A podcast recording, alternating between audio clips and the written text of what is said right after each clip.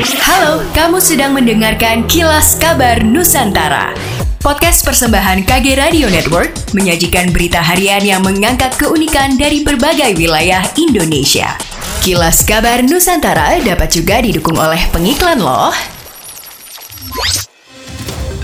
Pasokan daging kurban di Sulsel untuk kebutuhan Idul Adha dipastikan bebas penyakit kuku dan mulut PMK. Seperti diketahui, PMK pada hewan ternak kini marak ditemukan di Jawa Timur dan Aceh. Di Sulsel sendiri hingga saat ini belum terdapat hewan ternak yang terindikasi terjangkit PMK. Kepala Dinas Peternakan dan Kesehatan Hewan Sulsel Taufik menuturkan, untuk Idul Adha tahun ini pihaknya menyiapkan 57 ribu ekor hewan kurban. Jumlah itu naik dibanding tahun lalu yang mencapai 40 ribu ekor. Taufik menyebut kenaikan itu dipengaruhi adanya pelanggaran aturan PPKM. Meski swasembada daging di Sulsel masih terjaga, pihaknya tetap meningkatkan kewaspadaan terhadap ancaman PMK. Karena itu pihaknya meminta dukungan stakeholder agar cepat melaporkan jika menemukan kasus PMK pada ternak. Sementara Kepala Balai Karantina Pertanian Makassar, Lutfi Natsir mengatakan, kebutuhan daging korban secara nasional tahun ini diprediksi hanya 10 persen, sehingga pihaknya memastikan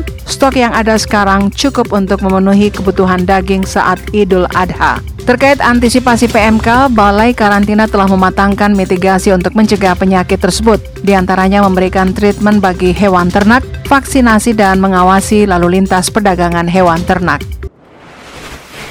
Sobat Medio, kamu penggemar kisah di balik layar investigasi program Aiman Kompas TV?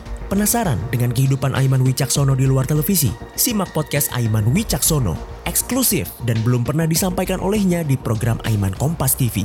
Persembahan Media Podcast Network by KG Media, Kompas TV, dan Trusted Talent Management hanya di Spotify.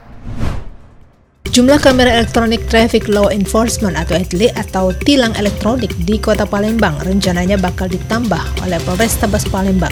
Setidaknya 5-7 kamera akan disiapkan di beberapa titik Hal tersebut diungkapkan Kasat Lantas Polres Tabas Palembang, Kompol Randy Surya, guna memperketat lalu lintas mulai dari pelanggaran hingga pencegahan tindak kejahatan. 5-7 kamera atlet tersebut akan dipasang di sejumlah titik, mulai dari Jalan Soekarno-Hatta sebanyak 2 unit, satu unit masing-masing di kawasan Simpang Macan Lindungan, Jalan Demang Lebar Daun, dan kawasan Nilakandi. Sedangkan untuk sisanya akan menyesuaikan tergantung lokasi yang perlu dipasang kamera tersebut. Program atlet di Palembang saat ini telah bekerja sama dengan Nafis, sehingga tidak hanya kendaraan saja yang terdeteksi, melainkan wajah pengendara juga bisa terdeteksi dan diketahui data lengkapnya. Tidaknya ada 13 kamera etle yang telah beroperasi yang tersebar di sejumlah titik di kota Palembang. Badan Pusat Statistik Sulawesi Utara telah mulai melaksanakan agenda sensus penduduk 2020 lanjutan dengan tahapan pertama yakni pemutakhiran data sejak tanggal 15 Mei 2022.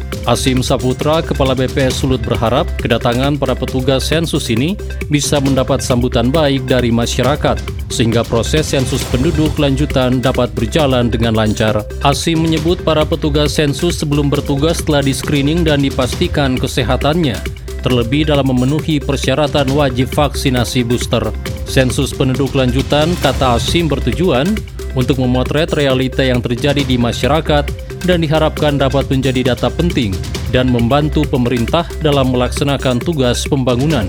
Untuk itu, peran serta masyarakat menjadi bagian penting dalam mewujudkan tujuan tersebut. Demikianlah kilas kabar Nusantara malam ini.